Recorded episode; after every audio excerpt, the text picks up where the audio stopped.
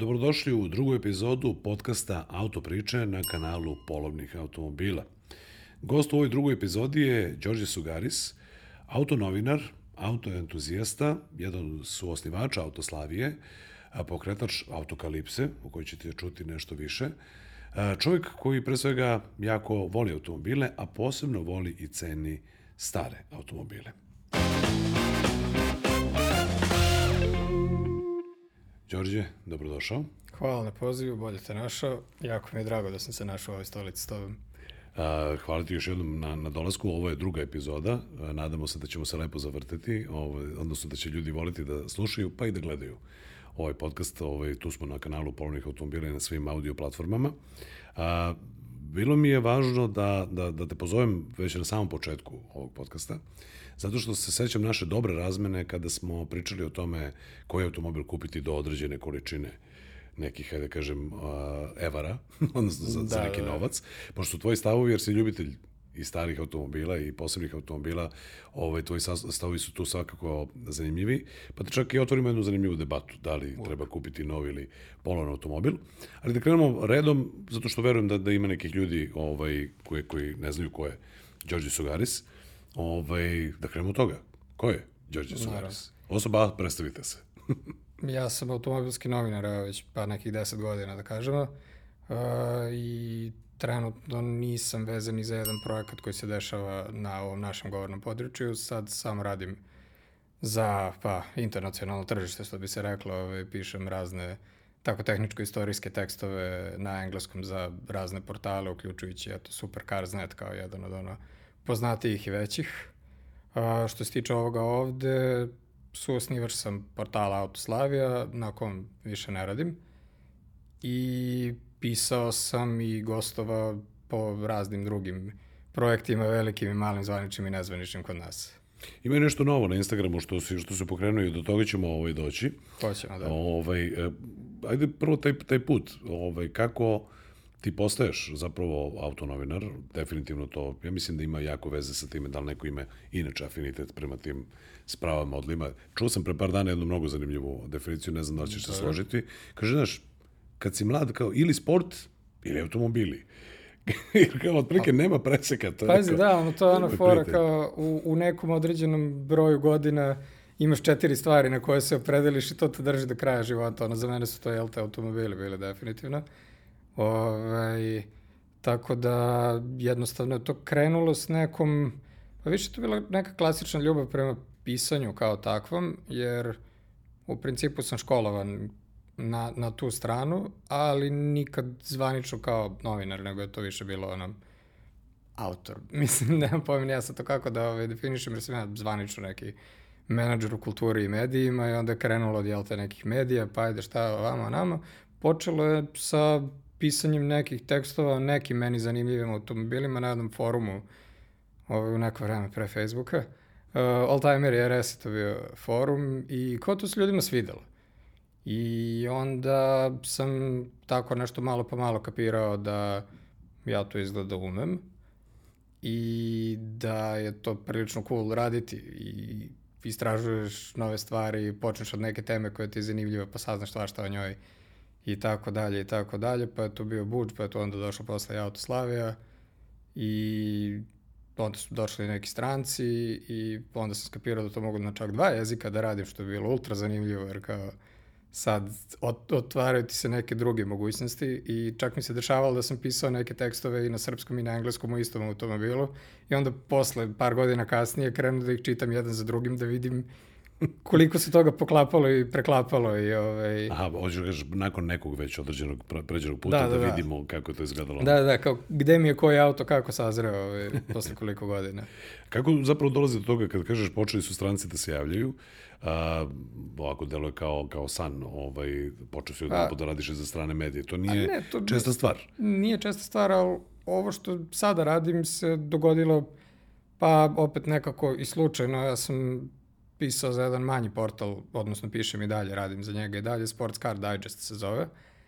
I tu sam već, pa ne znam, sada će dve godine biti. E, međutim, pre oko godinu dana njih kupuje veća medijska kuća koja se između ostalog bavi i automobilima, njihov taj matični glavni flagship sajt, kako ko hoće da ga nazove, je upravo Supercars.net. I onda je tu malo krenula i fotografija i to je sad onako jedan, jedna nova dimenzija u kojoj nikad nisam bio profesionalno, uvek nekako telefonom iz hobija, a sad to ipak malo je drugačije. Sad i vizualno pokušavaš da predstaviš ono što negde pakuješ u reči dosta dobro i kao izazov je nova stvar skroz. Pretpostavljam, jako je proces stvaranja pisane reči mnogo drugačiji od procesa stvaranja fotografije. Ma, da. Ako ništa dužije. A, da, jeste. kako se sad to, kako se sad tu snalaziš? Znači, ajde da sad bacim ovaj, da kažem, momu, pišeš neki tekst danima, jel? Pa da. pišeš možda i nekad kako ide, jel, ima inspiracije da ide možda i brže, pa, da. a fotografija nastaje u određenom trenutku, treba potrafiti svetlo, da. treba to sve naštarovati. Ne, uvek tu postoji neko planiranje koje naravno nikad ne ide kako treba i to je sasvim okej, okay, ali ovaj, jednostavno da, mislim, fotografija možda nastane u trenu sam taj klik škljoc, ali ipak tu zahteva meni sad posebno kao nekom ko opet ulazi u to bez neke prethodne prakse, zahteva neku drugačiji tip pripreme koji je ono overthinking i overplaniranje šta gde kako treba i šta ako bude ovo i šta ako ne bude ovo. I ove, ali ne znam, prosto se navikavam sad i, i na tu neku novu ovaj, sferu gde, mislim opet, editing je nešto što je onda ta postprodukcija koja isto kao na tekstu, jel, ono, upeglavanje svega što si hteo da kažeš, pakovanje sad svega toga u neke smislene rečenice. Tako da jedno i drugo jeste neki proces, ali uživam i u jednom i u drugom stvari. I dalje, i to je odlično. To je mnogo važno. Da, naravno. Onda znači ne radiš ni dana u životu. Kako ide ona floskula? U, pa ne, radi se, ali se i ne radi. Problem isto sa tim svim freelance poslovima što ti nikad ne znaš kad on može da stane i kad može da se zalaufa, tako da nisi baš siguran kako ćeš sve ti to da uradiš. Ove, ovaj, ali da, ono, i dalje nekako uživam u svemu tome, mada imam tu neku muku da uvek znam da je mogla za nijansu bolje i onda to Kažu da to teži ka perfekciji, znaš, ja, ja često posle snimljenih videa autotestova ili nekih drugih stvari, ovaj, da pričamo o drugim domenima u kojima se ja, da kažem, bavim, ovaj, ili obavljam neki posao, ja uvek posle sam bitke odličan sam general, ja znam šta je trebalo bolje. Čak i ako klijent kaže, da pričamo o događajima, da sve to bilo sjajno, ja znam da je moglo još bolje i uvek budem pomalo hvala, hvala, ali nije to ali, do kraja. ne, ali meni je to sjajna stvar zapravo, iako ponekad opterećuje, mislim da bez toga zaista nema napretka. I nikad ne može ni da bude, jer ti u jednom trenutku ako sebe ubediš da je sve bilo savršeno, i da nastaviš da sebe ubeđuješ, to vrlo lako može da postane sve gore i gore, a da ti ni ne primetiš i dalje si ti u toj nekoj sferi super savršenosti. Sam. Da, super sam, odlično je sve, a lagano to postaje baš suprotno, tako da ovaj, zdravo je biti nezadovoljan do određene mere. I treba naravno saslušati ovaj, šta je feedback. Nama Uvek. se dešava, evo sad je ekipa, išli smo nešto snimamo van, van Beograda i uh, stali smo, bili smo u nekom restoranu i čovek koji nas gleda, koji gleda, prati polovne automobile, znači bilo like, share i subscribe, izvesi Srećko, a, se, se, se javio kao, ja, ja sam veliki fan, ja gledam. I ja imam običaj da pitam šta zameraš, odnosno šta bi ti promenio. Aha. Znači, mi smo uvatili tu neku formu, da kažem, koja, koja je prilično uniformna, ali volim da čujem šta ljudi misle ili koji to model traži, jer prosto baš i bez veze da ti ja mislim ili mi da mislimo da radimo nešto najbolje na svetu i onda to, to, to je upravo put u to da ti to sve loši i lošije da, da. možda radiš, a da nisi u stvari primetio. A, ok, ajde da pričamo malo o tom a, projektu Autokalipsa, to je nešto zanimljivo na, na, na Instagramu. A, da, to je ovaj, jedno onako, mislim, trebalo bi to da bude svašta, ali za sad je jedno ono privatno igralište gde ovaj, tako pišem neka svoja automobilska razmišljenja koja nisu nužno vezana za ono što, čime sam se bavio sve vreme, a to su oldtimeri, nego su prosto neka observacije jednostavno trenutnog stanja u automobilskoj industriji, gde Lanče pravi bicikle i mislim gde se tako dešavaju razne autokaliptične stvari, jel te? I gde tih, tih nekih automobila sve manje, tih nekih dobrih, zanimljivih, a i gde automobilska kultura nekako takođe pati jer je sve teže imati nešto zanimljivo, voziti to nešto zanimljivo ili uvesti, mislim na kraju krajeva, baš sad na primjer postoje jako veliki problemi sa uvozom Alzheimera koji evo, traju već koliko, tri godine sigurno jednostavno i kultura pati i industrija sama pati na neki način i to je taj, jel te, autokalipsa ove, opšta smrt ono, entuzijastičkog pristupa automobilima, pa vidjet ćemo da li ćemo uspeti da oživimo ove, kroz nešto. Biće tu svega, mislim, biće tih nekih kratkih priča zanimljivih iz ovdašnjeg ili nekih drugih sad ovaj, područja, bit će nekih testova, bit će koje čega tako. Ono, Evo mogu da, da, da pozovem ljude da zaprate na Instagramu, dakle, et autokalipsa. Da, et autokalipsa, Kaže, da. pravih automobila je sve manje, a ni mi se nosimo baš najbolje. Tako pa se... da, otprilike je to situacija ovaj, u kojoj smo. Meni je jedan zanimljiv ovaj, posto, dosta su inače zanimljivi, ali jedan mi je baš posebno privukao pažnju. To je posto o Mercedesu eh, ML prve generacije, ML 270 CDI. Da, isključivo taj da se Isključivo taj, da, da, da si napisao, odnosno da je opis, caption je, a, ako ste uzeli automobil iz, iz uvoza, velika je šansa da je došao tako što ga ovaj Mercedes vuče. Ok, to je, a, ili dolaze na kamionima, ili dolaze na sobstvenim točkovima, ili dolaze na dupli na. prikolici gde je ispred ML najčešće, a pozadi, pozadi dva. I to je recimo ugao, ja za to znam, ja ih primećujem na putu, verujem da to profesionalci koji se tim poslom bave vrlo dobro znaju, ali eto ti kao čovek koji je isto, da kažem, autoentuzijasta i autonovinar, znaš za taj podatak i sada je on, da kažem, postao na neki način malo, malo širo obnarodovan i baš se radujem da vidim kako će biti reakcija recimo na taj poster, to ljudi možda ne znaju. Postoji pa. čitav set razloga zašto taj auto, jel? Pa da, ali ovaj, to deo sad nekog novog folklora automobilskog, jer prosto taj prvi ML, taj V163 je ovaj, prilično pristupačan sada kao jedan šlepomobil i ono, izuzetno pouzdan auto stvarno može da pretegli boga oca i prosto u jednom trenutku kreneš da se pitaš da li sam video nekada ML bez prikolice. Prazne pune nije bitno, ali kao ili bar kuka, ono, da, tu kuka, je, tu je. stoji. da Znaš da će u jednom trenutku biti korišćen. I ove, ne znam, mislim, meni je to sjajan auto ove, sa te neke strane upravo ove, tog herojstva i tog truda koji je kao polovan automobil ulaže da donese druge polovne automobile u našu zemlju i hvala mu na tome jako Šta svima koji ga voze. Ako te Disney čuje, evo ga, to je nastavak Cars 8. deo igre, igre ML. Ja znam malo da ga kupim, ja verujem inače da, da ljudi koji pažnju prate... A baviš se uvozom automobila? Pa, ne, par puta ja sam dovezao, dovezao ovaj nešto iz Nemačke, da. A, ne ML-om, ali sam razmišljao o tome, zapravo mislim da sam to i rekao u jednom od podcasta da sam ja bio gost, uh mhm. -huh. da je zapravo prva saradnja trebala da bude, odnosno prvo što je trebalo da se emituje na plovnim automobilima je bio dovoz automobila iz Nemačke i cela ta priča. Međutim, ovaj, prvo ja sam merkao ML, pa sam kupio Pathfinder R51, uh -huh. jer i on može da povuče 3 tone. A, da. Ima samo nekoliko automobila koji to, koji to mogu i da se, a da se mogu kvalifikovati kao dovoljno pouzdani, da to bude da posao, da kažem, za te ljude koji to rade, a to su ML 270 CDI, onda a, Tuareg V10, da. može Pathfinder i tako dalje. Nema, nema, ih, nema ih previše. Nema šta sam teo da kažem. Za malo da ga kupim, mhm. -huh. jer sam hteo da dovozim automobila sa, sa prikolicom, međutim, cena mi u tom trenutku nije, nije odgovarala. Uh, bilo mi je zanimljivije ovo što sam našao, bilo mi je mlađe i onda je bio da, da. Pathfinder R51, ali gledao sam neki crni ozbiljno, izgledaju sada upravo to što si rekao i što jeste nešto o čemu želim još da pričamo u ovoj epizodi, a, kako to dođe deprecijacijom nekako upravo do, do toga da neke automobile koje smo želeli ili koje možda nikada nismo mogli da, da priuštimo, sada dolaze u rang u kome možemo da ih kupimo i šta sa njima, odnosno koji su, šta je to pametna kupovina, šta bi bile bačene pare, zapravo da izvučemo paralelu nov, nov ili polovan. Ovaj, mm -hmm.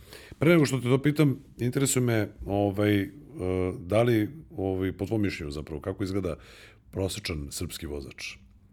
Kako si zadovoljan stanjem u saobraćaju, kako izgleda prosečan srpski vozač, koje su mu navike, koje su mu nadanja, koji su mu strahovi pa, i kakvi pa, su mu maniri? Pazim, moramo da krenemo od toga da li vozi svoj ili službeni auto, verovatno. To je Ove, jer, mislim, zapravo se razlikuje samo u stilu vožnje tada, ali mislim stvari su dosta slične. Uh, prosječan srpski vozač voli da dobije što više automobila za što manje para i to je okej, okay, ali onda taj auto i treba nekako održavati malo i brinuti o njemu. Nije sve u kupovini, imam nešto i u, i u održavanju, ali vidim da to baš ne ide kako treba. Znaš, vidi se čak dosta ono novih automobila pa im ne radi jedan far I kad sad to je novo auto, sigurno ti neka diagnostika pokazuje na tabli da ti nešto ne radi, ali ti voziš bez fara, bez fara, ovaj, boli te uvo nekako. Ti imaš, mislim, Mazdu. Ne nerviraš se. kao to sve jako ili, lepo. Ili su ovaj. gume već počele da gube šaru. Evo, dobro, to je jako zanimljivo. Posebno što je veća guma, to je veća verovatnoća da će šara biti onako na sliku negde. Tako je. I na, na, na žicama baš se viđa po raznim automobilima. I čak, ono, mislim, u par navrata sam čuo ljude koji objektivno mogu da daju bez problema bilo kakve pare za svoj auto, da im je nekako najžalije za gume. Da, nema veze, to je jedini kontakt sa podlogom. Da, da, jedini kontakt sa podlogom i stvarno, posebno kad taj auto ima i neke snage, ono šta će ti dobra guma, jer Ne boj se. Znaš, ne, ne, ne, sve je okej, okay, sve će to da reši neka elektronika ili ne, ali... pa neće. Pa da. ne, baš, da. da. Ovaj, pa dobro, to je, to je ovaj, ok, velika dimenzija, velika, velika guma, velika više i cena. Pa, ali velika sam je odgovornost, mislim. Velika odgovornost, pa dobro, ali kako je... Ti si birao veliki auto, nije on došao tebi u garažu i sad kao, ajde. Kao ja sam došao... Sad moram ovo. Moraš me obuti. Ovaj, pa da, ali šta, šta hoću da kažem, ima taj jedan moment da kao, nije važno da se živi, kako se živi, u kojim uslovima, ali mora da se ja automobil, kad pričamo onim ljudima kojima je to da. jako važno, a generalno muškarci, pa i žene, ali koji, koji su ljubitelji automobila, posmatraju, čini mi se to kao svoj egzoskelet. Pa to ne, je jeste deo, tačno. Jel, ličnosti, deo, deo nekog šarma, deo toga što ti želiš da, da budeš, kako, kako voliš da se ponaš u vožnji i tako dalje. Šta hoću da kažem? A, kupuje se van svojih mogućnosti da. nekad. Znači, taj veliki da li GLE kupe ili je X6 ili... Da, daj šta god, ono, šta bitno god, je samo da to tu... u jednom trenutku ode izvan onoga što ja volim da zovem odgovorno održavanje. Ove, ovaj, kao, ok, sad smo to kupili i šta je sledeće? Ono, ajde da malo sačekamo još godinu, dve da uradimo taj veliki servis. Ajde da kao vidimo da uštedimo ovamo i onamo na ovo. Izdržat će, ne mora. Da, da, pa mislim, izdržavaju automobili, nije to problem, nego kao pitanje je samo šta ti onda zaista imaš. I ove, ovaj, tako da kao što se toga tiče, malo, mislim, volim da ljudi vole za, zanimljive automobile i da ih voze. Uvek mi je drago kad vidim da neko to izabere, ali uvek postoji taj moment odgovornosti koja se ponekad preskače. To je kod da. nas najčešće ovaj... A s druge strane imaš te ljude kojima je prosto nužnost da voze automobil, ali se isto tako onda i ponašaju prema njemu iz opet nekog drugog razloga. I tu ajde što nema održavanja, nego što je pa vožnja na putu ponekad problematična sa njima, jer mrze i tebe i sebe i ceo svet okolo. Da, to on će posao. da, da, on će taj neki svoj auto da tera jer mora, jer mora doći donekle i kao to je onda ovaj, prilično veliki pakao. Zaboravljaju ljudi da pale farove kad pada kiša. I dosta često mi se dešavalo kroz maglu, na primjer, da vozim i samo mi se odjednom pojavi neki auto ispred mene. Ja skapiram da čovjek vozi na dnevnim svetlima jer je upalio svoj službeni auto najčešće da. na onaj auto mod I on ima neko svetlo napred i tu nešto gori i sad ono, znaš, staneš pored njega, pa kroz tu maglu trubiš, pa objasniš, e, kao, znaš, parovi, bilo bi okej, okay, jer se ne vidiš nazad i on te ništa ne razume. Često sad vidim ove klince, početnike, pa tako padne mrak, ali dalje smeju da voze mm -hmm. i voze bez farova. Ja, onako, znaš, obično to radim i kad sam pešak i kad sam u kolima, probam da signaliziram, ali onda vidim onaj full, full, full samo pouzdan stav, kao, znaš, ja ovo vozim jako zajeban. Jako opasno. Ovaj, I samo samo sklonim ruku i kao nema veze, naučit ćeš ti na neki drugi način. Ono. Da, ne vredim Jer, objašnjavati. Ajde da je to ona faca, znaš, ne znam šta da radim, preplašen sam svega, desilo mi se da zaboravim, pa onda i objasniš. Ali kad vidiš da je to samopouzdanje na maksimumu, dok je auto potpuno mraku i ne, ne radi mu ni jedno svetlo, ono, da, to, to, onda to, samo pustiš. Strašne su stvari. Inače, zabrinjavajući broj, sve veći broj ljudi koje, koji zapravo a, čitaju poruke i četuju dok, dok da. voze. I ti tačno vidiš, recimo, na autoputu kroz Beograd, ok, tu postoji ograničenje brzine, ali ti vidiš da jedan put neko vozi 40. Da. Od dozvoljenih 80. Tako I samo, samo ako prođeš pored njega i vidiš... zakoči. Ne, ne, ne, ne zakoči, nego on, naš, on polako gubi koncentraciju i ti vidiš da on dogovara neki, neki jako važan posao. Nešto, da, ili da, je mnogo važan posao. A sledeća pod kategorija mi je kad vidim vrlo nov automobil, modern, znači mora imati sigurno Android Auto ili Apple CarPlay i vidim da, da čovjek telefonira tako što drži telefon, ne ume to da poveže. Ne, ne, to je, to je ovaj položaj ruke i telefon ti stoji ovako, to je... Da, a ima i to, i, i ove, ovaj, o, kad se drži to, ovako ispred usta. To je ove, iz ove Guy Ritchie i rock and rolla. Tad su se mobilni telefoni pojavili, bukvalno u celom filmu svi od njih pričaju tako. I to mi je taj neki ono rock and rolla stavak. ono Toki Voki, da. Da, da, da, bukvalno kao Toki Voki, ali ovaj, još jedna pojava kad smo kod novih automobila i opet kao tu ima neke platežne mogućnosti i onda vidiš dete na suvozačevom sedištu od tri Nevezano godine. i tako. Vezano, nevezano u rukama, pa mislim... Ne, to su da. meni strašne stvari. To su baš, baš strašne stvari i meni Kupi to... sedište, znam da možeš. Da, da, mi Kao, smo, e, vidi me. Pazi, u testu seta Tarako smo pokazali da to, uopšte, to nije dobar primer. Lutka Mhm. je jednostavno lakša od, Da. od, od, od deteta. Zapravo napravili smo jedan specijal zajedno sa Aksom, ovaj, dečim sedištima i ja sam probao samo dečim lutkicom, samo da pokažem kako to izgleda kad zakučeš sa Da, 40. da. To odleti, a kamoli kada je u pitanju veća masa. To su strašne stvari. da. I zaista, ovaj, e, ne daj Bože da, da se to, ovaj, da se postavi pitanje, pa trebalo ipak Da, da. Statistike su nam oljive. Imaćemo mi ovde i ljude iz Agencije za bezbednost saobraćaja, Da, pa ćemo da. pričamo o statistici i šta je, su najčešći uzroci, uzroci, ali to kad vidim, meni se bukvalno padne mi mrak na Ne, oči. meni je to najgore. Ajde, ovo sve drugo nekako je u domenu toga da ajde ugrožavaš ako ništa samo sebe i možda još neko s kojim ćeš se sudariti pre ili kasnije jer se ponašaš Da, ali pazi, to može biti psihološki aspekt. Recimo, da se ti ja nađemo u jedan preko puta drugog u takvoj situaciji i da ti iz nekog razloga imaš ovaj po- pointu da ne vezuješ pojas. Da. da ne bih sada da baksuziramo, možemo da obrnemo uloge, ali iz jednog, u jednom trenutku ti si bio uh, Spiridon Kopica, sasvim normalno mladić, možda si bio zaljubljen u jednom trenutku, ovog drugog s one strane možda nema i to, je, to je strašna stvar. Dakle, on inače je ovaj, nestao i svojoj porodici i nestao i ekonomiji ove zemlje, ali zato što je to ja nisam teo da se vezujem. Dakle, na kraju krajeva ne ugrožava samo sebe, Pa da. nego na neki način vrlo i tebe. Evo kažem da je to 50-50%. A jeste u stvari. To je to. Je to. Ovaj, a, ajde da krenemo na, na ovaj lepši, da kažem, teme. deo. Da, vedrije teme. Da pričamo o, o a, to, novi ili polovan. Ja bih u potpuno sam siguran da ćeš ti da braniš ovaj, bar nekih dobrih ideja za, za investiciju koje ne koštaju previše, a zapravo jesu neki automobili koji bi bili zanimljivi za sačuvati. A, a ja bih onda morao da, da branim, ajde da kažem, stanovište novih, iako radim za polovne automobile. Jasno, jasno. Ajde, igrat ćemo se I- tako. Inače, trenutno, trenutno vozim treći novi automobil. Aha. U mom životu sad više nije ni novo polovani, već Da, tri da, da. godine, tri godine ima. I imao sam više puta priliku da kupim polovan automobil, manje puta priliku da kupim nov automobil i mogu da kažem, to kad kupiš nov, super je kad, aha, staviš ključ samo u bravu i ja idem sada negde, ne moram Da. nikakvu posebnu pri, pripremu. A opet sa druge strane, kad kupiš nov automobil, ti si taj koji je platio deprecijaciju Pa da. i mnogo nekih drugih ovaj, stvari tu ima. Ovaj, kako ispasti pametan u toj kupovini? Ja pretpostavljam da, da, da, da ti glasaš, da ti ne svaljam reči u usta, ali da ti glasaš za nabavku polovnog vozila. Pa, u principu da, mada opet malo je nezahvalno pričati sa mnom o tome jer ja gledam taj nerazumni sloj automobila Slobodno koji, zađi tu. koji, mislim, nekad te neko ubedi da je to dobra investicija, ali zapravo ti uvijek pojedeš sve to, ove, sav taj rast cene kroz godine, kroz održavanje, na primjer, ako ga opet naravno održavaš kako treba. I da, ja ću ono uvek braniti ove, zanimljive polovne automobile u slučaju da ih čovjek može kupiti i održavati kako treba, oni će imati opet neku veću cenu ako se dobro i pametno izabere kroz nekih narednih pet godina, onda možeš da ideš na nešto sledeće i kao možeš da kupiš neki automobil koji ti nije bio ovaj, u, u platežnoj moći kad si bio mlađi i siromašniji, a sad možeš i opet imaš nešto zanimljivo. Neko fetonče. A, Da, da, ali isključivo W12 jer zašto pouzdanost, mislim, kad možemo da...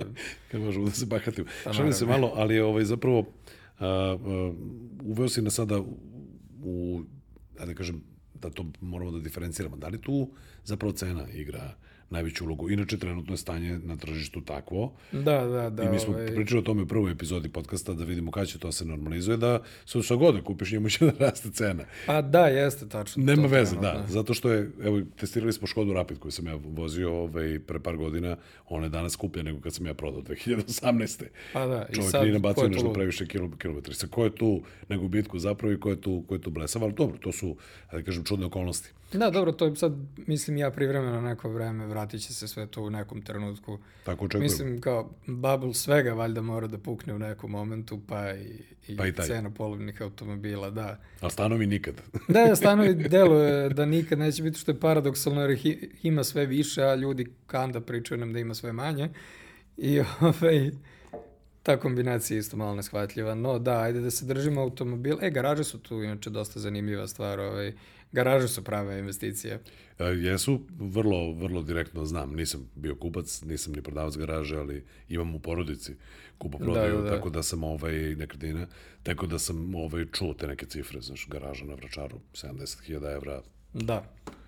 Što će vjerojatno da bude još i više, jel? Da, pa ja sećam u mojim krajevima, ja sam na Novom Beogradu, garaže su bile, ne znam, desetak, čak i manje, pa možda nešto malo više, ali ono, pogodiš garažu koja ima mokri čvor i grejanje i kao imaš ono, radionicu praktično i sad cene takvih garaža izgleda znaju biti mnogo veće. Baš dugo nisam gledao. Možda ima veze sa preduzetnicima, znaš, svi su počeli s garaže. Da, da, da. Pa kao jeste, Bill Gates, pa znaš, kao Steve Jobs, kao možda su...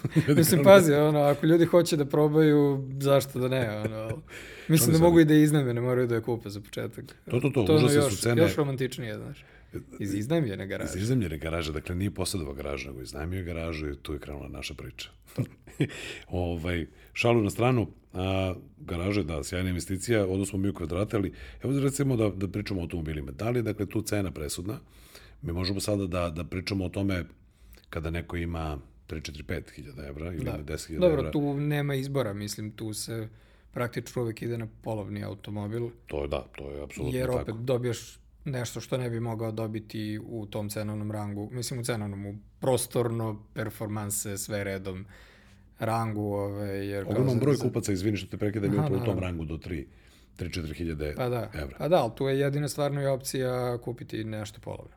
Tako je, s tim što je to najčešće traženo i naravno to su i, i prodavci ovaj, prepoznali i. mahom se to i dovozi ono što će se brzo prodati. Pa da. Ja jako volim kada vidim da je neko zapravo dovezao neki primerak, ne tako čest, Mercedesa, recimo, kupe neki, da. sa vrlo zanimljivom kubikažom, koju vidiš da ima neku lepo ponosnu cenu, čovjek se vozi i čeka pravi da. trenutak kad će, kad će ga prodati. Ne, kao Mercedes kupe nikad ne izlazi iz mode, ono, i to je činjenica. To smo pričali upravo. Da, da, jesmo, jesmo, ja i dalje tvrdim da prvi CLK jeste odlična investicija i sad već polako mi se ta teorija materializuje. Jer evo, skoro sam i gledao baš preko sa tim opet nekim zanimljivim kubikažama, ali na kraju krajeva s bilo kojom.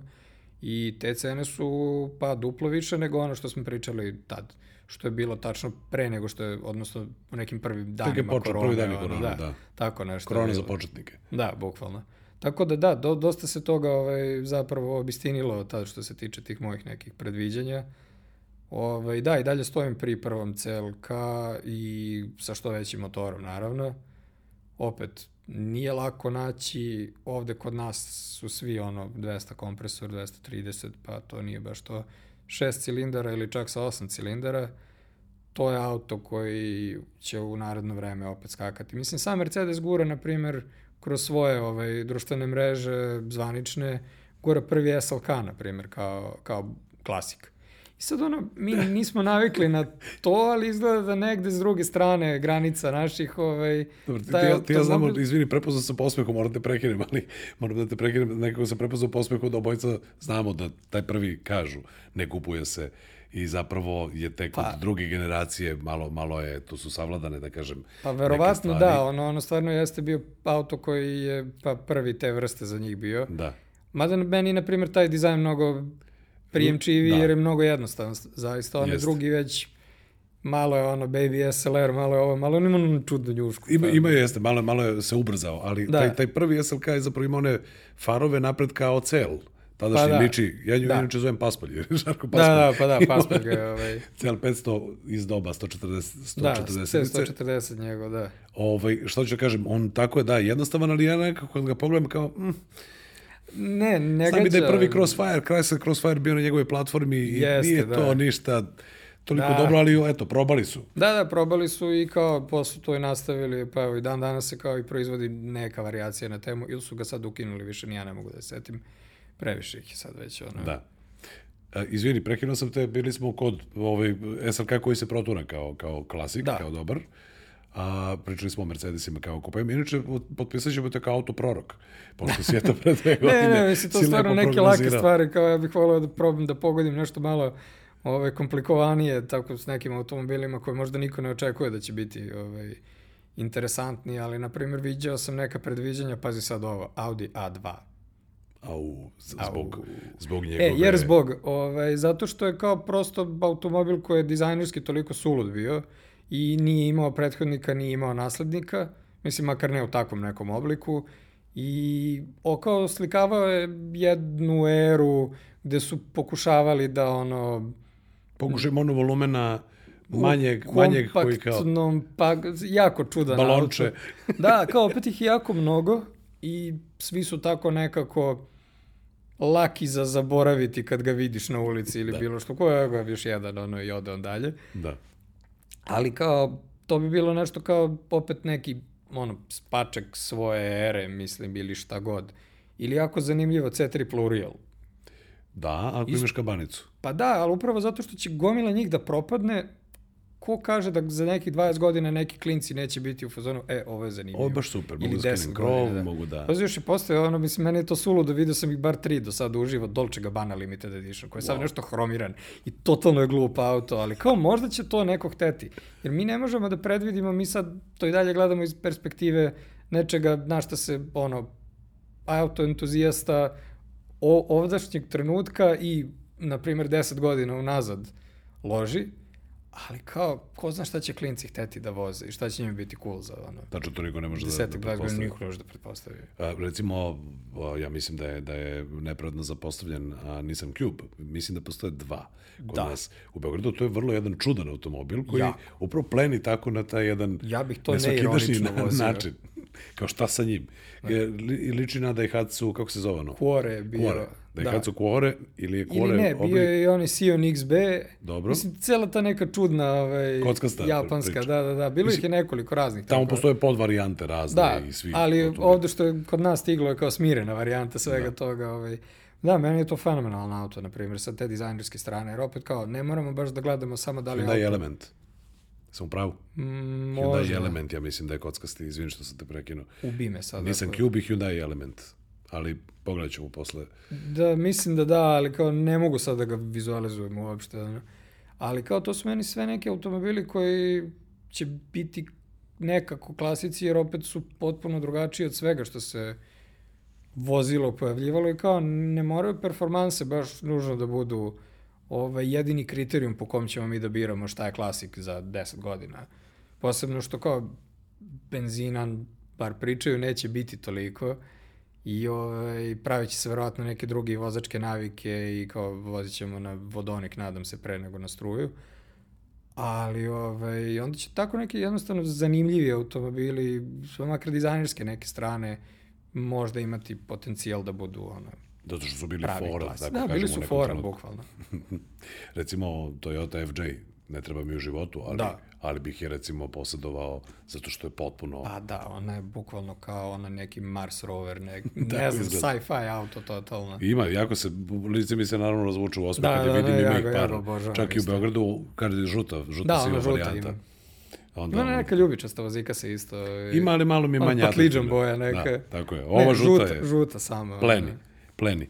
Kao što Hammer H2 nema nikakvu specijalnu upotrebljivu vrednost i daleko, nikako, da. daleko mu je da, da dođe do tog statusa, ali možda bude bio u nekom trenutku eno čuveni, on je sa najčuvenijom tablicom ovaj, podgoričkom, koji se kreće po Beogradu. Nerad. Pa ga nerad, da. A ja volim, ne se da li je to ovaj, Hammer, ali bio Jejov jedan. Je... Ako se sećaš tog slenga iz Scarface-a, to su neke tvoje vremena. E, da, moje vremena. Hvala. Mislim, nemam pojma. I got the jejo. To, to. Ok, ne, razumijem što pričaš, ali, ali ja mislim da je bila neka jaca ili tako nešto. Ne, ima Begetanja.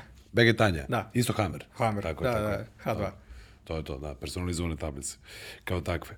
E, dobro, pomenuo smo ovaj uh, Mercedes uh, CLK kao jedan od evo, da je neko slušao, odnosno ako ne se pažljivo pratio pre dve godine u tom videu, e, šta kupiti za određeni, za određeni iznos evra, je možda danas profitirao. Šta bi bio neki sledeći?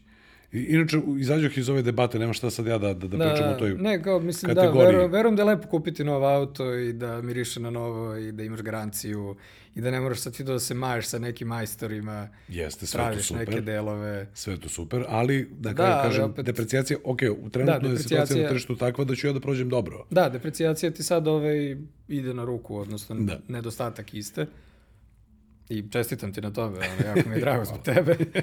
Ali, ovaj, da, u nekim redovnim uslovima ti si taj koji to plaća i ok, mislim, nekad se isplati čak i tako, nekad ne. Sve zavisi. Uglavnom, znaš, oni sam- automobili koji su za pet godina skuplji nisu oni automobili koje kupuješ zato što ti treba auto za svaki dan. Tako je. To tako su je. ono, Porsche GT modeli, to su neki jemovi određeni.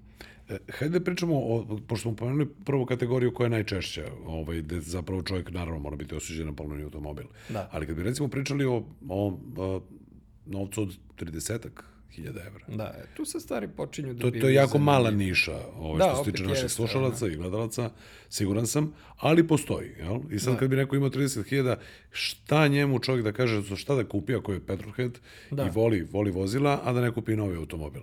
Šta bi to bilo nešto što može još da se uzme, a da će zapravo kasnije da mu raste cena i da bude ovaj, vrlo ponosan na to, da se pritom lepo, lepo vozio.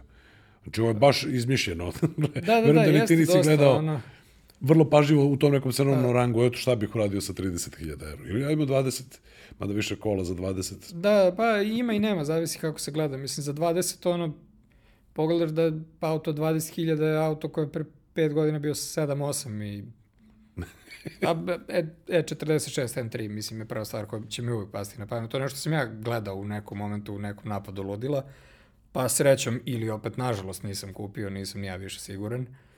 Ovaj, ali kao te cifre su sad ne, ne mogu da dam ni jedan konkretan auto jer svemu će rasti cena i ničemu neće. Prosto Dobro, to je u, u ovoj sad jako situaciji. mnogo zavisi od toga gde ga kupuješ, od koga ga kupuješ, odnosno kasnije gde i od koga, gde i kome ćeš ga prodati. E, I neki automobili nemaju ni neku uniformisanu cenu, to jednostavno zavisi od dilera do dilera, kao od pedigreja, mislim. Kao. Lada Niva. Na primer, Znam da ti da. nije bila na, na pameti, ali kad pogledaš na, na polovnim automobilima Ladu Nivu, Da. ti ćeš naći u istom godištu sa vrlo sličnom kilometražom diametralno suprotne cene. Da, da, da. Kao da, znaš, valjda tu ima dosta va- ovaj, jaka ta emotivna komponenta. Da. I sad nekome ona, to je taj najbolji auto koji ide uz masu banderu i tako dalje. Da. I kod njega je cena basoslovna. Kod ovog drugog stanje deluje potpuno Da, da, isto. potpuno maltene. isto, ali- Potpuno suluda. Da, Da, zavisi koliko ti treba auto. ono. I koliko ti treba para. u Pa stvari. da. Ili da, koliko ti treba para, tačno. O, ali, na primjer, evo, tu negde ta neka cena, uvijek bi gađao neki BMW Z4. Dobro. Jer to je onako dosta interesantan auto, mislim, on je ono projektovan da bude roadster, tako da kao nije, znaš, ono, cabrio verzija nekog kupea, pa da tu ono 300 stvari je drugačije, nego kao jednostavno to je što je. Ove, ono, lepo je, zanimljivo je, sediš na zadnjoj osovini, imaš opet neke snage tu dovoljno, nije auto, mislim, svakodnevno upotrebljiv, ajde, to je činjenica, ali prosto mi je onako jedna jako interesantna stvar i ima neku dobru dizajnersku priču. Pričamo sad o ovim novim nekim varijantama, to je ona druga generacija, ne pričamo o prvoj, prva može da se nađe i za manje, to je to ono, do 20, što opet znači da ulazimo u onu zonu bliže 10, ali da, na primjer neki takav auto je ono, To bi bila Pa ono, to je Pametna stvar. nešto najčistije vozački što može, a da ne ulazimo sad u neke sulude kubikaže i ostalo. Ovaj, ali da, i ta niša do 30.000 je onako malo nezahvalna. Mislim, tu ima svega i svačega, opet ne počinje ništa da bude baš zanimljivo, a opet s druge strane imamo gomilu tih automobila koji su do pre par godina vredeli znatno manje, tipa, mislim, ja vozim Audi A4 trenutno, prve generacije, prva generacija RS4 je tu sad već negde 30.000, mislim kad se i pojave. Ono, malo teže u stvari, kod nas možda ima jedan koji se tako pojavlja na oglasima, on je tu negde, mislim, bio oko 30. Primjer, to je sjajan auto, ali da li si dovoljno spreman da daš 30.000 na auto koji ti ne završava ni jednu jedinu stvar osim neke strasti. Da, da, ono, li, mislim, ja bih bio, ali ovaj, ne znači da bi bio svako. da, da, nije, Znaš, nije ljudi valjda očekuju neki minimum tehnologije tu u auto, da tu postoji nešto, ovde nemaš ništa, sve kazaljke su analogne. Sve što je digitalno je digitalno ko na onom Casiju iz 80-ih, samo je crveno, ono, znaš. Da, da, treba da se I- nađe poseban čovjek koji To, bi to... to je manje više to, je ono, kao da li si spreman za to da daš toliko. Da li ti se taj auto vozi kao auto 30.000 evra. Da, baš, je. baš toliko da, da daš to, a da nisi uzeo nešto novo. Da.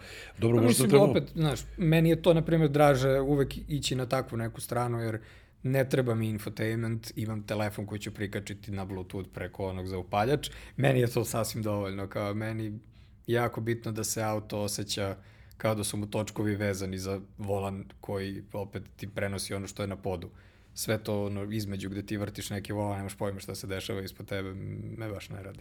Da, da, pa to je, evo ja sam, ovaj, testirali smo i, i, i da kažem, krivca za crossover klasu i Kaškaja prve generacije i druge generacije, često imamo da. i neke crossovere na testu i sad Znaš, to je, na primjer, auto koje, ja mislim, uništio automobilsku industriju za Pa, to je taj tekst koji da. kaže... Da, ima ovaj, fantastičan tekst, da. Tekst, da, da, da, li Nissan, Kaškaj, okrivite ga za Nissan. Mislim, Gosin je pritom meni na, jedan od najjačih likova automobilske industrije. Kao, aj spakuj ti sebe u kofer i pošalji se iz Japana. Ne?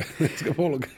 ne, ne, on fantastičan lik, ali kao, opet, uradio je i dosta toga lošeg za nas ljude koji volimo automobile.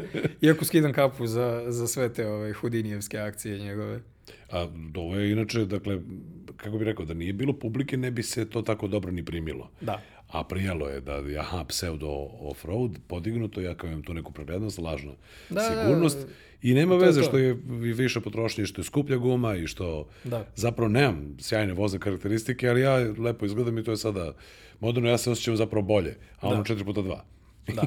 I Da. Tu se sva priča o tome nekako završava. Da, tako je. O, ja sam u jednom trenutku počeo da vozim ta neka mm -hmm. viša vozila i trenutno sam u vozilu koji ima clearance od 20 cm, ali ima 4x4 pogon mm -hmm. i a, nije da sam ga namenski zaista palio, zaista ni ne silazim sa asfalta, ali idem često ovaj, na neke poslovne mm -hmm. puteve koji su ovaj, na vrh brda, br, vrba mrda i onda mm -hmm.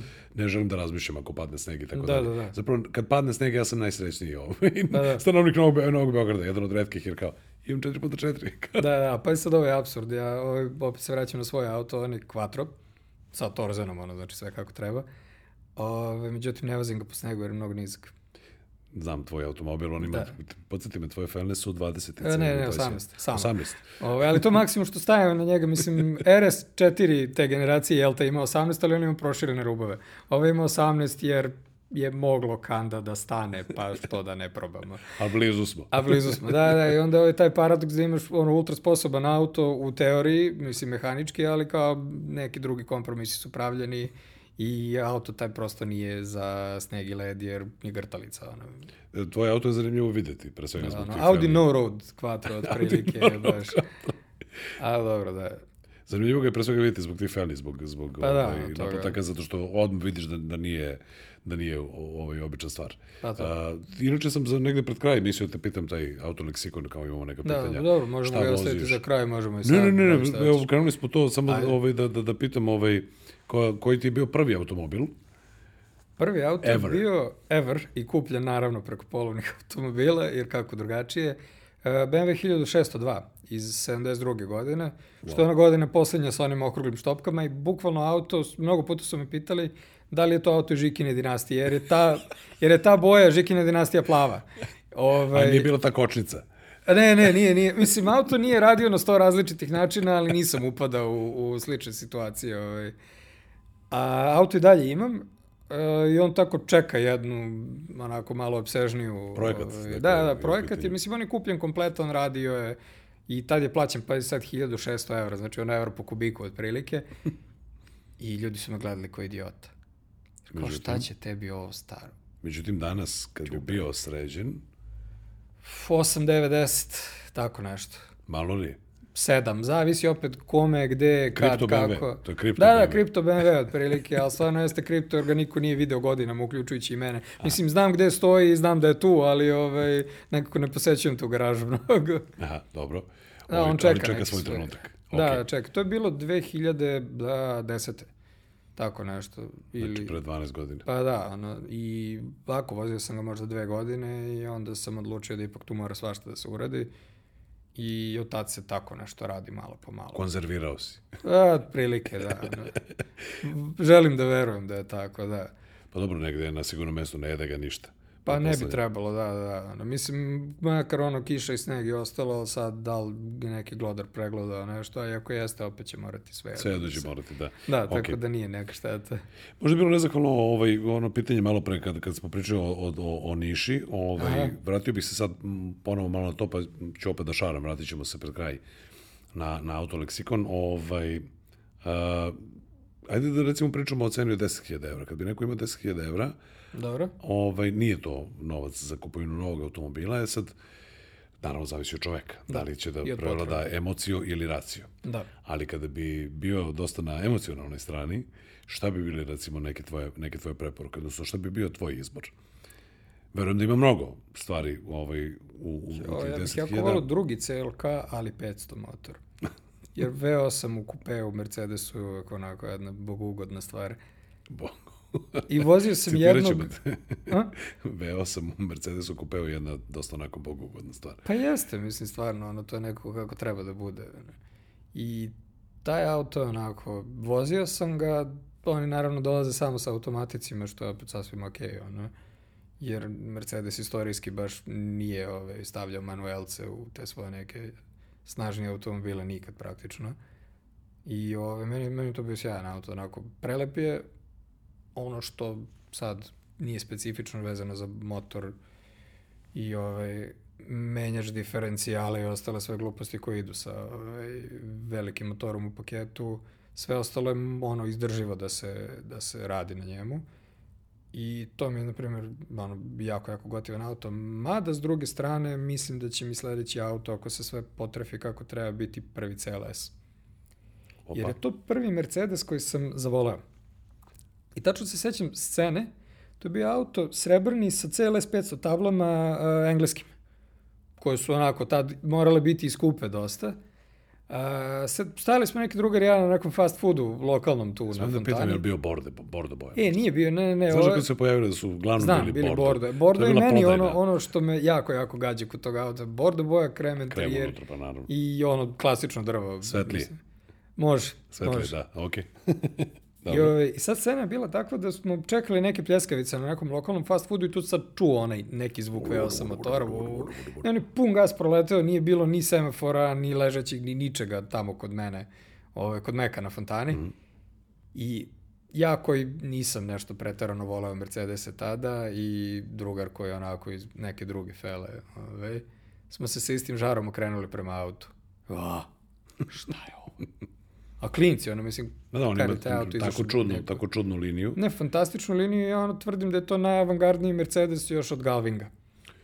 Vrlo lako može da se desi da je, da je to Recimo tačno, da jeste, Na, nadam se da ove, ljudi isto tako misle, jer meni je ta linija stvarno bila ono, nešto što je promenilo opet pogled na, na to kako limuzina treba i može da izgleda. Posle su razni bili tu još ovi Audi A5, A7, pa, Pa sad nemam CC pojma, ovi. CC-ovi, pa BMW-ovi, ovi Grand Coupe, ali ništa nije bilo kao prvi Od CLS. pitanje je jako, verovatno, naslučio bi zapravo odgovor.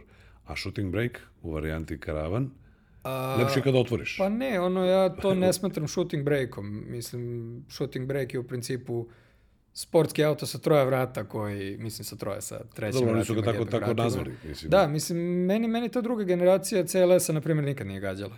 Nekako su ga promašili. I sad su se prvo, ovom trećom generacijom, sadašnjom, aktualnom, vratili tačno na taj izgled prvobitni. Čak im je jedan od slogana i bio neki povratak tradiciji. Znači, skapirali su i oni da taj drugi CLS nije baš bio najbolja stvar. Ono. Ovaj, mada da, mislim, meni i taj kao shooting break karavan, nazove ga kako hoćeš, odnosno oni su ga tako nazvali, ajde i mi ćemo. Meni je to bilo interesantno. Interesantan mi je bio u onoj CLA varijanti, čak, Da. ali kao kako vreme odmiče sve manje. I kao ipak je to prvi i tu, I tu- negde tu priča. A treći bih jako rado, ali kad bude bio 10.000 evra. Dobro, Ako pa, ikada. Pa naravno, pa naravno. Ovaj, Ali da, to, ta dva, mo, mislim opet dosadan sam očigledno, ono, kao uvek su to neki Mercedes i kupeji, ali ili opet... pazi, pomenuo si i neke, i neke BMW vozila, a voziš Audi. Spojili smo sve najbolje što A ne, ne, možemo. imao sam, i- imao sam i Mercedes ovaj, umeđu vremenu 124 E, kupeja. Bravo. između BMW i Audija. Ovaj, to je tek bio auto koji... Znači, izvini, ukupno tri automobila do sada. Da, BMW, da, da. Mercedes, pa Audi. Pa da. To znači velika nemačka trojka. Da, da, da, pre 30. godina, uspeh, znaš. to što su sva tri kršne na neki svoj način je druga, druga stvar, ali, znaš kao, mogu da kažem da jesam. Posjedovao. Da, nije bitno sad kakvi su, kao znak je znak. Ono. Koji bi, koji bi bio motor u 124? E, on je nesrećni 230 sa četiri cilindra, Dobro. ali nije bio 230 CE, jel, nego je bio C, zato što je nekad imao plin, pa je ostao karburator Stromberg CD 175, moćni uljani karburator, koji, ono, mislim, iz 123 u principu i, ovaj, i onda to nekako radilo. A mm, jednom trutku sam ga prodao za manje para nego što sam ga ovaj, kupio, samo da ga ne gledam više. Bilo je problema? Pa, bilo je... ne, skapirao sam to nikad neće biti dobar auto m, i da mu sad stavljaš drugi motor i to će te koštati da mu vraćaš ka glavu. Znaš, majstor mi je neki rekao, druže, to ti je jako skupo. Kao, pa dobro, okej, okay, koliko je skupo? 300 evra. Okay, ako je 300 evra skupo za takvu... Uradit ću. Ovaj, bolje, bolje da ga ni ne radim. Ono, znaš, kao, ako, ako je to taj neki cenovni rang mušterija gde, gde je to mnogo. Ovaj, I onda jednostavno, kao skapirao sam da nemam živaca da to radim i tako sam na kraju uzeo Audi. Audi je bio taj neki auto koji sam video dok sam tražio opet neki drugi auto i bukvalno sam gledao kao šta će ovo meni. I, I ono godinu dana kasnije dajem pari pun gas, onaj vozim ga, jer ovaj, je zapravo auto koji imao sve što mi nekako treba. Ono. E, to, to je ovo, još jedno pitanje, mi smo, da kažem, pravili da neki fotorobot, neko će možda da nam zameri, Aha. fotorobot ovaj, klasičnog, odnosno prosječnog srpskog vozača, prosječnog kupca. A šta su inače stvari koje, koje su tebi važne kod automobila? Naravno, pričamo, pretpostavljam, da, da, će, da će biti ovaj, upravo i ova tradicija a, i to kakav je to zapravo motor, kakav je to, i rekao si, osjećaj pre svega na volanu. Da. To je najvažnija stvar. Ali kako biraš? automobile. Dakle, kažeš gledao si nešto drugo, pa ti se onda desio Audi A4 Da, da, krava. pa Šta da. si gledao? Uf, gledao sam u tom trenutku je 4.6 kupe. Dobro. I to je bilo onako, mislim, gledao sam opet i neku drugu varijantu sa 124-kama gde bi imao šest cilindara, ali to baš nije prošlo kako treba. Gledao sam Slona 140-icu, to je bilo jako zanimljivo, jer uh, drug sa kojim sam išao da gledam ima 140-icu i sad ono, već je onako, ima dimenzije za taj auto i on sad prilazi ja gledam u taj auto i razmišljam, evo te ću izgledati kao dete koje ukrlo auto ako kupim ovo. I onda sam samo, tu sam već negde prelomio da to nije auto za mene, jer kao razmišljam i o tome, da li bih se ja osjećao prijatno u, U tom samom vozilu. autu, da li bih izgledao kao idiot ako ga vozim na neki loš način, pošto ima onaj dobar način da izgledaš kao idiot ako voziš nešto. Ove, to je G klasa otprilike. Da. Ali kao, uh, jednostavno jako, mislim, ja automobile sam od starta uvek posmatrao kroz taj neki dizajnersko pop kulturni moment gde auto prenosi neku poruku. Mehanika mi je bila nekako u drugom planu tada. Sada ipak, mislim, mnogo sam zreliji ovaj, i gledam sve jednostavno. Ali da, jako mi je bitno da se osjećam prijatno kad sednem za volan, da meni sve to bude nekako tu intuitivno ovaj, da bude, jel to, Dob- dobra ergonomija. Ka meni. Da, dobra ergonomija mi znači zapravo, ono, tek kao s nekim malo dužim putovanjima sam skapirao koliko leđa umeju da zabole kad sediš u određenom položaju. Mislim, ono, imam problem sa leđima, tako da da, Isto. razmišljam. To To je, je to. e, izvini, prosto inače sam razmišljao a, pre, pre nekoliko dana. Kako svi zapravo, znaš, od momenta kad kupiš automobil, da, a, kreneš, psihološki krene proces justifikacije, odnosno Da. pravdanja, aha, to mi je, odgovara mi i tako dalje. Međutim, taj neki trenutak kada se čovjek uvoza sa svojim automobilom mm -hmm. i već ga posjeduje neko određeno vreme, neko ti dođe, ako si dobro odabrao i ako si zaista to automobil koji si, da kažem, na neki način želeo, ako ne, malo ćeš si ubediti, odjedan put tebi je u tom automobilu tako sve savršeno. Recimo, meni u ovom trenutku, u mom automobilu je sve super. Mnogo je pametno da ga prodam za godinu dana od danas, mm -hmm. jer ću to da uradim. Ali neko će mi biti žao, jer ne znam šta sledeće da vozim. Da, da. Znači, kažem, Da kad osjetiš da se onako trenutak, uhladaš. i tu je mnogo važna dobra ergonomija, da se nešto ne mučiš, da kao ja treba da beše da kliknem ovde, ovde mi je ovo, nemam gde da stavim flašu, nemam gde da stavim telefon, nemam gde da stavim ključevi i tako Da. dalje. Hoću kažem, prosto, a, kad, kad voziš to nešto i kad je dobra ergonomija, to je, čini mi se, osnovni prvi uslov, jer pomenuo si bol na leđa. Pa Znači da. da se čovek na, na neki način osjeća udobno u tome ovaj, gde sedi, da mu to bude normalno, pa onda idu performanse i odnosno osjećaj Pa da. na volanu, praktičnost, A, pa s obzirom na to da vozim karavan, malo je glupo pričati o praktičnosti, jer kao očigledno imam, Da. ali mi inače nije toliko bitna. Mislim, dovoljno je da stanu malo veći koferi u gepek i meni je to okej. Jako malo slučajeva sam vozio više od jedne osobe u autu. E, mada sad ovaj, ovo se zvanično nije dogodilo, ali renoviram stan, pa mi je značilo da imam karavan. Kojim da. može da stane nešto što uopšte nije bilo teško i uopšte nije bilo prljavo i odličan auto. I, zna da, zna da, da, zna da, da znači. To, to, to. Posebno kad je spušten, znaš auto pa staviš još određenu količinu kilograma u gepek. Ali nije se desilo ništa. Mislim, bez, bez zezanja sad stvarno nije. Ono. Dobro, ne, nisi prevukao tri tone cementa i... Pa da, ne, ne, ja, mnogo manje od toga, da. da. Ali ne, ovi, mislim, praktičnost jeste bitna, ali opet, kako ko definiše praktičnost? Kažem, meni je dovoljno da ima ipak prostora u gepeku za nešto. I kao, to ono, dve osobe da idu na put, da je okej. Okay ja imam jednog drugara koji ima tu floskulu, kaže vrši mi posao. Da. Ili mi ne vrši posao. To je pa to. Da. To je to. Ovaj, ja bih sada, moj sadašnji autor Renegade, mm -hmm. karakterisao kao vrši mi posao, ali e, e, prtežnik Renegade, odnosno prtežnik prethodnika Pathfindera, mm -hmm. naravno da ne može da se uporedi, pa da, to mi je naravno. zapravo, nam je stvar, ali mi nije više toliko bitna pa ovaj, dobro, da. u, ovom, u ovom životnom dobu. Sad tu se vozi pozadi kuca. Da, da, to je ovaj, sasvim okej. Okay. Potpuno legitimno. Sad, sledeći auto mora da bude kockast zbog kuce. Da, da. Jer kuca sedi pozadnje. Nisam Cube. To, pa to je to. Ili Hyundai element. Izgooglit ćemo posle, Ili. posle snimanja. A, dobro, teo sam da ovaj, popričam samo još, još malo sa tom o tome, dakle, šta bi bili a, motivi za posjedovanje tih nekih delića automobilske industrije? Mm -hmm. Da ne mhm. pričamo samo o finansijskom. Dakle, mi da, ne pričamo da. o tome, evo ja sad a, sam kupio nešto da bih pametno prošao, odnosno to će bude skupi za, da. za par godina. Šta je to što zapravo determiniše, odnosno ti ili jesi ili nisi taj čovek? Pa da, to je to. Ove... Da želiš to da posjeduješ. Dakle, to tebe samo pronađe, pa, ne da. tragaš za, za njime. Ne, dosta često kažem da postoje ti neki automobili koji se jednostavno ne kupuju slučajno danas. To je možda nekad moglo da, eto, uletiti nešto ni ne znaš koliko je taj auto značajan, jer ko ne zanima te, nije bilo interneta, nije bilo ničega. Danas je to malo drugačije. Svi baš jure te automobile i ovaj, mislim svi, svi koji se jel te, zanimaju za to, uvek imaju negde otvorene oči i sve se uvek traži, sve se uvek zna tačno šta je šta. Ovaj, ali jednostavno, šta je tu zanimljivo? Ti više ne voziš samo auto. Ti čuvaš nešto. I to nešto ima opet, ajde, neku materijalnu vrednost, ali ima opet neku istorijsku vrednost. Mislim, to je komad dizajna, to je komad koji je neko jako lepo inženjerski osmislio da radi neki određeni posao na jako dobar način.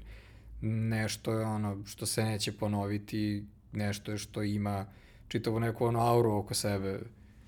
I priču. Jednostavno je, jedinstvenog. Ono nije auto koji popunjava prostor, pravi gužvu na parkingu ili u, u špicu mnogo je više od toga, ono, jednostavno nešto što, što vredi sačuvati za neke buduće generacije, da, jer se mnogo automobila bacilo tako uzaludno na kilo, jer nije postojala prosto svest o tome.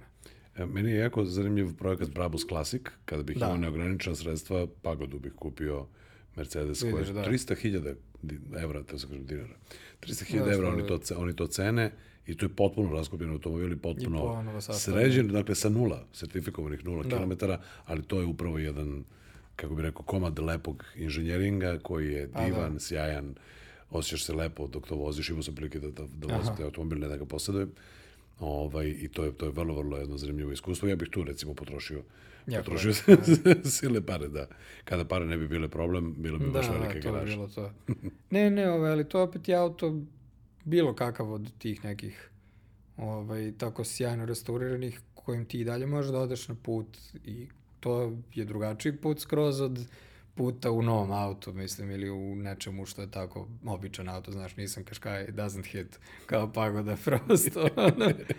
Jednostavno je auto ko možeš negde da uživaš da se saživiš na neki potpuno drugačiji način od tog nekog auta koji ti samo treba i kupiš ga, jer A, B, ono, mislim, to je sad opet već na nivou floskule postalo, ali ovaj, da, jednostavno svaki taj komad istorije sa sobom nosi neku određenu odgovornost da ga ti sačuvaš, izvezeš nekad da se to ovaj, ne zaboravi, da je u određenom periodu neko razmišljao na ovaj ovakav ili onakav način i da to sve se sklopilo u jedan auto koji je ono deo primenjene umetnosti, mislim, to je ono, Lepo pričati sa nekim ko tako voli automobile, pa tako može da, znaš, punog srca da priča. E, pomenuo si negde na početku a, kratko problem sa uvozom oldtimera. Da.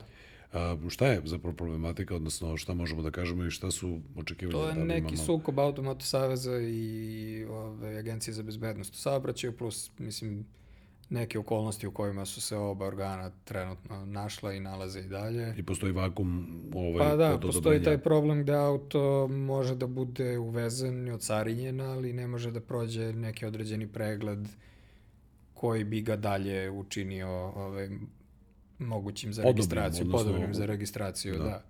I tako da ti automobili stoje, na primjer, može se uvesti i voziti ako je neko državljanin Sjedinjenih američkih država, mislim, ili ako ima već Da, na strane tablice. uslove, mislim, koje može ga voziti na tim tablama, ali trenutno i ne zna se još koliko automobili stariji od 30 godina se ne mogu registrovati iako mogu da uđu u zemlju legalno i da se carine i da čekaju svoj red. Ali ne mogu da... Da, što je baš onako jedan limb koji nikom ne odgovara jer mnogo je toga ušlo u zemlju, mnogo zanimljivih automobila koji su sad tako osuđeni na neko čekanje, nažalost to samim tim znači i propadanje, manje ili veće, mislim to se opet čuva, ali Da, mora da se vozi, mora da se ponekad koristi. i da se vozi, da. Da. I ovaj, tako da da, ono, kultura nam je trenutno u tom smislu ovaj, en, entuzijastičkom malo ovaj, pati taj old-timer odeljak. Uh, pa da bih pomenuo ovu novosadsku, ovaj novosadski pa, skup događaj berzu koja je meni jedan ono sjajan događaj koja je treća godina valjda sada se održava. Nisam bio ove godine, bio sam prošle. To mi je, na primjer, jedan sjajan moment jer uključuje tu neku noviju generaciju, mislim koju ja pripadam na kraju krajeva, ljudi koji pa vole voze, čuvaju neke zanimljive automobile i kao stavlja tu neku opet kulturu na prvo mesto ispred industrije. Ove, I to mi je jako drago da se takav događaj pa, pa tri godine održava i nadam se da će nastaviti, da će biti veći i da će ostati u Novom Sadu u stvari, jer kao jako je važno da ne bude baš ni sve u Beogradu. Jasno, da. da Mislim, naravno, razni drugi skupovi na raznim drugim mestima, razni drugi klubovi, sve to fantastično radi, ali ovo nekako mi onako krovno deluje gde okuplja više različitih ovaj, načina za voleti automobil na jedno mesto. Inače, pošto si i ljubitelj oldtimera i bio si pod, pod tim skupovima na mnogo njih, Da. a i angažovao se da pišeš o određenim automobilima, da, da, da, da se fotkaju i tako dalje. E, je li ti dojam da možda na severu zemlje ima više a, tih a, automobila, oldtimera, a da, da to nije tako u ostatku zemlje? Pa, ili... jeste, ali opet e, i to se menja. Ono, I ima ljudi koji... Mislim, ne bih voleo da sad rasparčavam zemlju na još jedan način. Ove, ali da, nekako jeste. Prosto sever je mislim sever, ajde da računamo do Beograda, to zapravo, to pr prva trećina Srbije, ono, otprilike. E, mislim da da, da ima ovaj, nekako ovaj, tu više automobila, jer prosto prilike bile takve, ali mislim da ni ostatak zemlje nešto preterano ne kaska za tim, da ne kažem da se svi izjednačavamo jer tih automobila sve manje, mnogo toga je izvezeno i tako Da, dalje. odlično. Tako da kao na različite načine se to nekako niveliše, ali ima, ima sjajnih ljudi, ima predanih jako kolekcionara i van ovoga što mi kao smatramo ono, razvijenijim delom zemlje, jel? Dobro. Lepo. A, možda za kraj, što smo došli tu negde do, do, do, do sat vremena, ovaj, da se vratimo na kratko na autoleksikon i na koju će nam trebati prognoza. Opet da daš Da, nešto da. pa za dve godine kad se ponovo vidimo, da vidimo kako, da si bio upravo. Dakle, tvoj prvi automobil je bio uh, BMW 1602, 1602, zatim si imao uh, Mercedes Mercedes 124 124 C230, 91. godina I sada voziš. 2001. Audi A4 B5 sa onim 2.8 motorom. Zanimljivo, I ok. 30 Na čemu si polagao? Uh, polagao sam na nekom nesretnom puntu. Dobro, polako se menja. Pretko da Goša Da, da, da, polagala da. na jugu, ja sam polagao na jugu, punto sad ćemo... Da, da, da, ja sam bio u toj, u toj zoni koja je imala ono Punto, Corsu, C i ne sećam se šta je još eventualno. Bi bila Jugo tu negde opcija, Da, da. ali sam računao da Juga, pošto imam u kući kao neki ono, auto porodični, ovaj, sam računao da to ću već pre ili kasnije doći do njega, pa kao aj daj nešto malo zanimljivije. Ono. Tako da da, na tome sam polagao. Lepo. A, ajmo prognoza za dve godine, ovaj, iako su to jako nezahvalne stvari, pričali smo, sastoji da. se od mnogo, od mnogo stvari, ali a, ne mora model konkretni, ali generalno i dalje će rasti cena tim nekim zanimljivim automobilima, pa, ali da. da probamo nešto da prognoziramo kad bi neko sad imao ovaj, do 10.000 evra, a da pametno uloži, a da je u pitanju young timer, to bi bilo... Mm, ajde, Reći ponovo Mercedes kupe, slobodno. Ne, ne, mislim, da, to će stvarno i biti tako, mislim, svi ti neki, ono... Uh, teško naći, ali Audi A5 prvi mi je meni, na primjer, strašno zanimljiv auto, iako se možda ljudi neće složiti s tim. Ovaj, pravo ti kažem, ne znam više šta je 10.000 evra sad u, u tom svetu. Ovaj, Pazi, možda sam promašio, možda treba da bude 20, ali Pa sam, mislim da, ono, i to je sve, sve poskupelo. Sve, sve je baš poskupelo. Ne znam, ja bih čak išao na te neke varijante ne M verzije, lupam sad, 335 i ili E60 neki 535 čak dizel, zašto ne, ono. Jer to će biti nekako upotrebljiviji automobili koji će dalje pružati onako neke zanimljive ovaj, stvari. Gledao bih, na primjer, zanimljive specifikacije opet nekih ob, običnih automobila, mislim, običnih, ali bih uvek ostajao u toj nekoj zoni da to neki ono do, do, dovoljno analogni auto koji nije, na primjer, prednji pogon, nego ajde da ga stavimo ipak da bude, da bude neki zadnjak. I onda se prosto gađa to nešto što nije top of the line, što je ono sigurna stvar, ali nešto što je mnogo jednostavnije i držati na putu i pa kupiti na kraju krajeva ono u startu i što će opet imati neku svoju vrednost kad sve ovo drugo više ne bude za normalnog čoveka baš. A vrlo brzo se to dešava. Da. I generalno dolazi drugo vreme. Dolazi Odlaze drugo vreme. Motori, dolazi elektrifikacija, da, hidrogenizacija.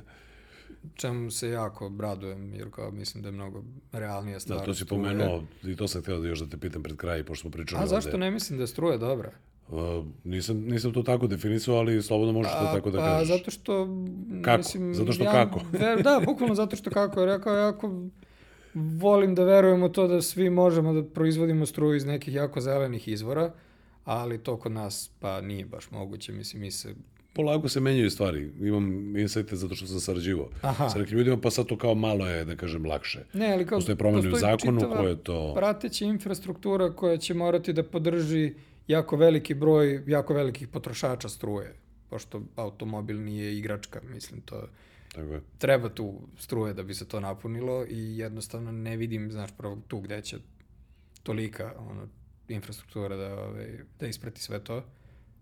A druga stvar je što mi dalje mnogo ljudi živi u zgradama koje ceo Novi Beograd, mislim, nije projektovan za to da svi imaju automobil. Tako je ja ne znam kako ćemo mi te automobile da punimo, hoćemo da pecamo sa prozora, pa znaš šta da pogodiš. Možda neka Teslina da tehnologija, znaš. Blizu. Da, ali kao, Bežiš. mislim, mi smo one punjače za telefone, Strawberry koje je radio, mislim mi, neki ljudi negde, su čupali te kablove. Ovo je više napon. Ovo je da, dobro, malo je opasnije, to je tačno, ali jednostavno opet ne vidim kako će mislim, mnogo toga će se promeniti. Pumpe, u slučaju da sve bude električno, više neće moći da budu pumpe, nego kao ti ćeš sad morati da ostaneš tu neka 2-3 sata.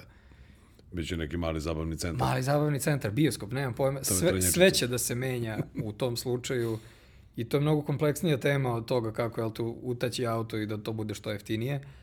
Ali ovaj, mislim da kod nas jako mnogo toga bi moralo da ovaj, se menja i u navikama i u samom načinu pa, proizvodnje struje, struje da. Da bi to bilo zaista zeleno i ekološko i moguće. U toku si sa NIOM, odnosno japanska kompanija, koja, kineska kompanija koja ima one automobile sa konceptom da se promeni ceo donji deo. Da.